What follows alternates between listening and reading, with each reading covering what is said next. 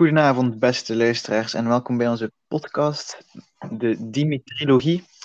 Um, dat verwijst namelijk naar de drie boeken van Dimitri Verhulst, die Arne Vallet, Louis de Vos en ik, Noah de Bruin, hebben gelezen, um, om eens te spreken en de gelijkenissen en alles wat erbij komt kijken.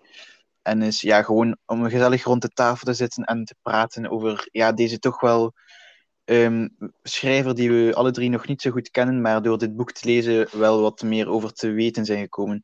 Arne Vallet, ik, denk, ik stel voor dat jij eens begint met je uh, boek eens kort voor te stellen waarover het gaat. Uh, ja, dank u wel, Noah. Het boek dat ik heb gelezen is De Gelaasheid der Dingen.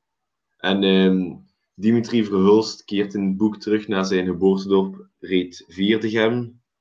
Hij beschrijft zijn vrienden en zijn familieleden met zeer veel humor. Het leven in Reet 40 draait vooral rond zuipen en seks. En um, ja, er is... Er wordt... Een beetje een vulgair verhaal dus. Wat? Een beetje een vulgair verhaal dus. Ja, inderdaad. En er wordt ook niet echt deftig AN gesproken. Ja. Oké, en um, Louis? Um, ik heb De Laatkomer gelezen van Dimitri Verhulst. En dat gaat eigenlijk over Désiré Cordier, een oude man die ruzie heeft met zijn vrouw. En eigenlijk wil hij haar verlaten. En daardoor doet hij um, dat hij dement is. En belandt hij in een rusthuis voor demente personen zodat hij ze nog zijn laatste jaren kan doorbrengen um, zonder zijn vrouw op zijn gemak. En um, uiteindelijk pleegt hij ook gewoon zelfmoord. Amai. Uh, Oké, en ja, mijn boek, ik heb mevrouw Verona Delta Heuvel afgelezen van Dimitri Verhulst. Um, ja, ik vond het zelf een zeer mooi boek en het gaat over ja, dus mevrouw Verona die eigenlijk zeer oud is en um, ook haar echtgenoot is kwijtgeraakt. En um, doorheen het verhaal komen we eigenlijk te weten. Allee, het is eigenlijk, we weten in het verhaal dat ze aan de rand staat van haar dood. En doorheen het verhaal komen we te weten ja, wat ze allemaal heeft meemaakt in haar leven, welke personen dat ze, van in, dat ze heeft ontmoet in het kleine dorp waar ze woont. Um, en ja, het is, uh, het is eigenlijk zeer weinig info op een, uh, op een toch een zeer mooi verhaal uitgeschreven.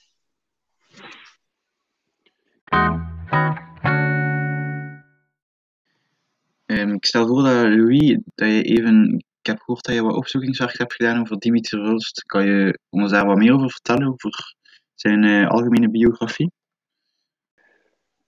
Eerst zal ik een beetje meer uitleg geven over Dimitri Verhulst als persoon zelf. Dimitri Verhulst is een Vlaamse schrijver, dichter en programmamaker. Is 48 jaar oud en komt uit Aalst. En zijn jeugd was niet echt eenvoudig. Zijn vader had een drankpro drankprobleem en zijn moeder gaat vreemd. En na 12 jaar scheiden, um, en na 12 jaar scheiden zijn ouders. En um, daarna beslist Dimitri om dan bij zijn moeder volledig te gaan wonen. Maar die zet hem uiteindelijk op straat, waardoor dat hij dan weer bij zijn vader moet gaan wonen. En omdat, hij, omdat mensen ook zagen dat dat echt niet goed ging in zijn thuissituatie, werd hij uiteindelijk ook in een pleeggezin geplaatst. Um, het boek van Arne heeft daar ook wel een stuk mee te maken. En um, in het pleeggezin krijgt hij uiteindelijk zo'n beetje rust na de lange tijd van, um, van veel geweld ook bij hem thuis, waarbij dat zijn moeder en zijn vader vaak ruzie hadden.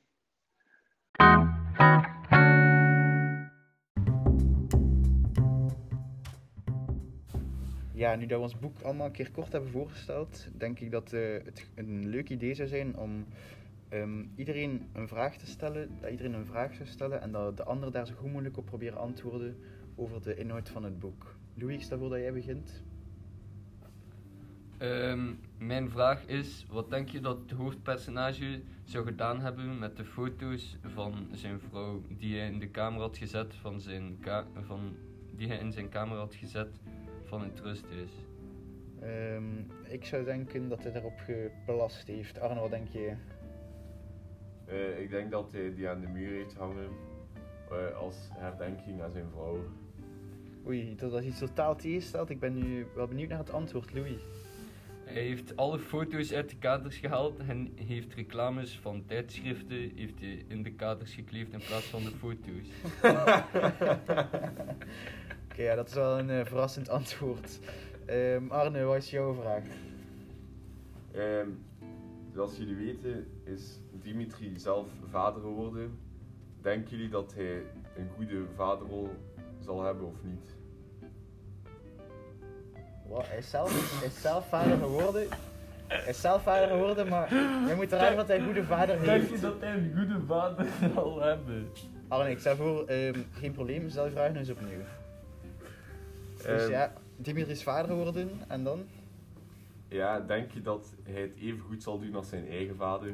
Ah, en hoe, hoe heeft zijn vader het gedaan? Heel slecht. Heel Ah ja. Zijn Het vader was eh, het viert hem alleen om, om eh, Oké, zuipen en neuken. Neuken, oei. Ehm, dan denk ik dat eh, Dimitri, ik denk dat hij wel niet wil dat hij dezelfde, allee, zeg maar, slechte levensstijl heeft als, zijn vader. Dat hij wel zijn best gaat doen om erop te letten dat hij wel een goede huisvader wordt. Ik denk ook gewoon vooral dat, dat hij het beste gaat willen voor zijn kind, wat niet zo was bij, ehm, bij zichzelf. Ja, het, het, het klopt wat jullie zeggen, want hij wil een beter leven voor zijn zoon. Kijk eens aan. Voilà. Gelijk. Oké, en dan mijn vraag voor jullie. Ehm, ja, mevrouw Verona, ehm, die moet haar man laten gaan omdat hij zelfmoord heeft gepleegd aan een boom. Maar het, eh, mijn vraag is, wat, wat denk je dat ze met die boom heeft gedaan daarna? Waar, dat die, eh, waar dat haar man zelfmoord aan heeft gepleegd. Eh, ik denk dat die, die boom gaat wegdoen. Of zo Omdat hij of slechte zo. herinneringen heeft, ja, zo omdat, gezegd. omdat het slechte herinneringen heeft. En dat misschien voor nog allee, Mhm. aan de gebeurtenis kan Ja. komen. Ik denk gewoon dat ze er iets speciaals mee gaat doen, maar ik weet echt niet wat. Iets speciaals, dat is wel waar. Ehm, ze gaat er een, want ze is, een, ze is een muzikant en ze gaat er een cello van laten maken van het hout van de boom. Omdat ehm, zij, mevrouw Verona en haar man waren alle twee muzikaal aangelegd. En zij was een celliste.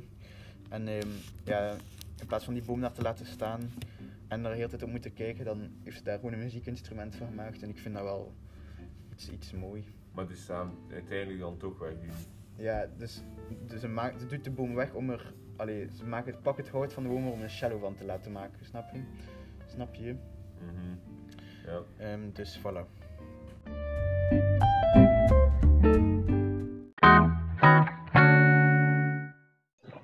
Voor de volgende rubriek vond ik het eh, een leuk idee om ehm, ja, een personage uit jullie verhaal, of, of meerdere personages, of iets dat in je verhaal voorkomt, ehm, daar een van te kiezen die je, waar je zelf in de schoenen zou willen staan.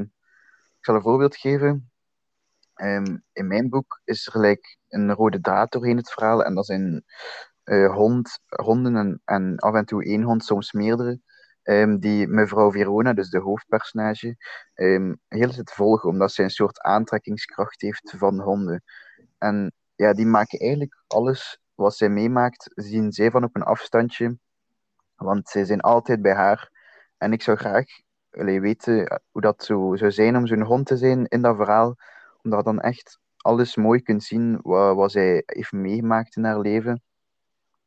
Dus eh, snap je, zo iets waar je je goed in kunt inbeelden dat je zou willen zijn. ja, maar lijkt het dan niet saai om heel de tijd gewoon achter een bepaald persoon te lopen? Heel. Ja, maar ja, in, op zich wel, maar ik denk dat dat niet zoveel uitmaakt als je een hond zit, want dan, allee, je ziet echt zoveel dingen die je zelf niet kunt, want als hond zijn je niet zo begaafd of intelligent als een mens. Dus ik denk niet dat dat als hond beseft. Ik denk gewoon dat, wel, dat honden wel kunnen beseffen wat dat ze zien. En ja, of dat dat leuk zou zijn voor hen of niet. Ehm, zelf als Desiree zijnde weet ik ook niet zo goed welke keuze dat ik zou maken, omdat het is ook wel uw vrouw en hebt er al veel leuke herinneringen mee meegemaakt, ook denk ik dan. En ehm, ik zou het ook sowieso moeilijk vinden om de hele tijd zo een toneel te spelen waarom dat je dement bent. En ook echt te zien dat mensen met je inzitten, terwijl dat eigenlijk ook niet zo is. Bijvoorbeeld ook met zijn dochter ehm, deed hij alsof dat hij super dement was en alsof dat hij haar niet meer herkende.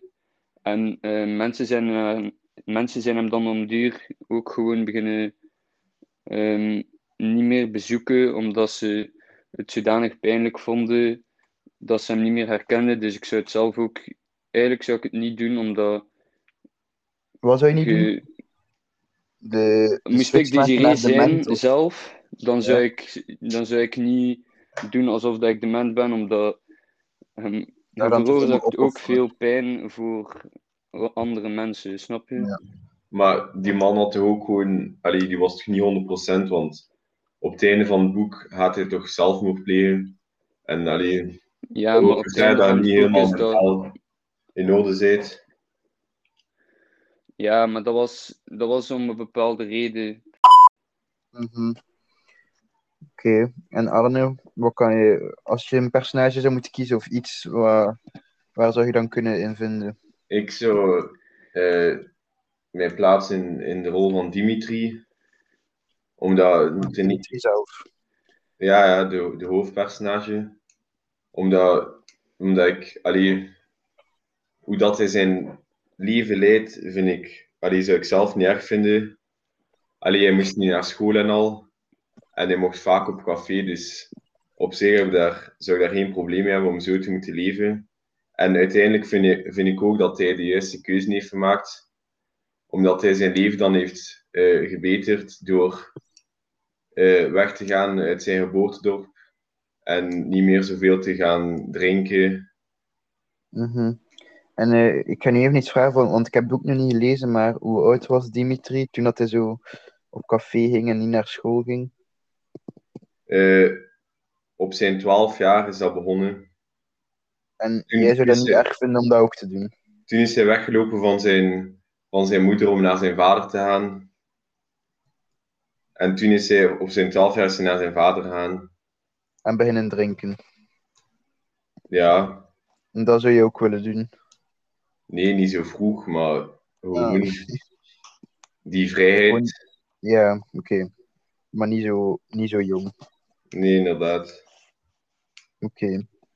Nu gaan we praten over onze eigen leeservaring en ook over de positieve en negatieve dingen van het boek en of we het gaan aanraden. Ehm, bij mijzelf is het eigenlijk, heb ik het zelf redelijk positief ervaren, het boek, omdat ehm, de vorige boeken die ik had gelezen waren nogal redelijk lang en ook een beetje langdradig. En nu was het een kort boek, maar vaak ehm, heb ik al gehad bij een kort boek dat het verhaal niet zo goed was opgebouwd. Maar bij dit was het wel echt een heel goed opgebouwd verhaal. Dus dat is sowieso al een positief ding. Ehm, je moet je wel goed kunnen inleven in de personages, want als je, als je het zelf, ehm, als je dat niet kan doen, dan ga je ook het boek echt niet zo goed snappen. En over het algemeen zou ik het boek wel aanraden, omdat snel uit is en echt vlot leest. En ehm, op een schaal van 1 tot Nobelprijs voor literatuur. Ehm, ik zou het wel geen Nobelprijs geven voor literatuur, maar al sinds wel redelijk hoog. Oké. Ehm, en mijn boek, ja. het is ook wel een redelijk kort boek. Ik denk een 110-tal bladzijden of zo. Maar het is, ja, zoals ik al in het begin heb gezegd, het is echt super, ja, niet moeilijk, maar wel zeer poëtisch geschreven. En snap, het zijn zinnen die, ehm allee, bijvoorbeeld een zin van 20 woorden die je perfect in, in, in drie woorden zou kunnen schrijven. Ehm, dus echt bedoeld om zinnen echt langer te maken. Puur om die sfeer van, ehm, ja, van dat verhaal een beetje meer te laten inkikken bij de mensen, denk ik. Maar het, verhaal op zich is wel echt mooi.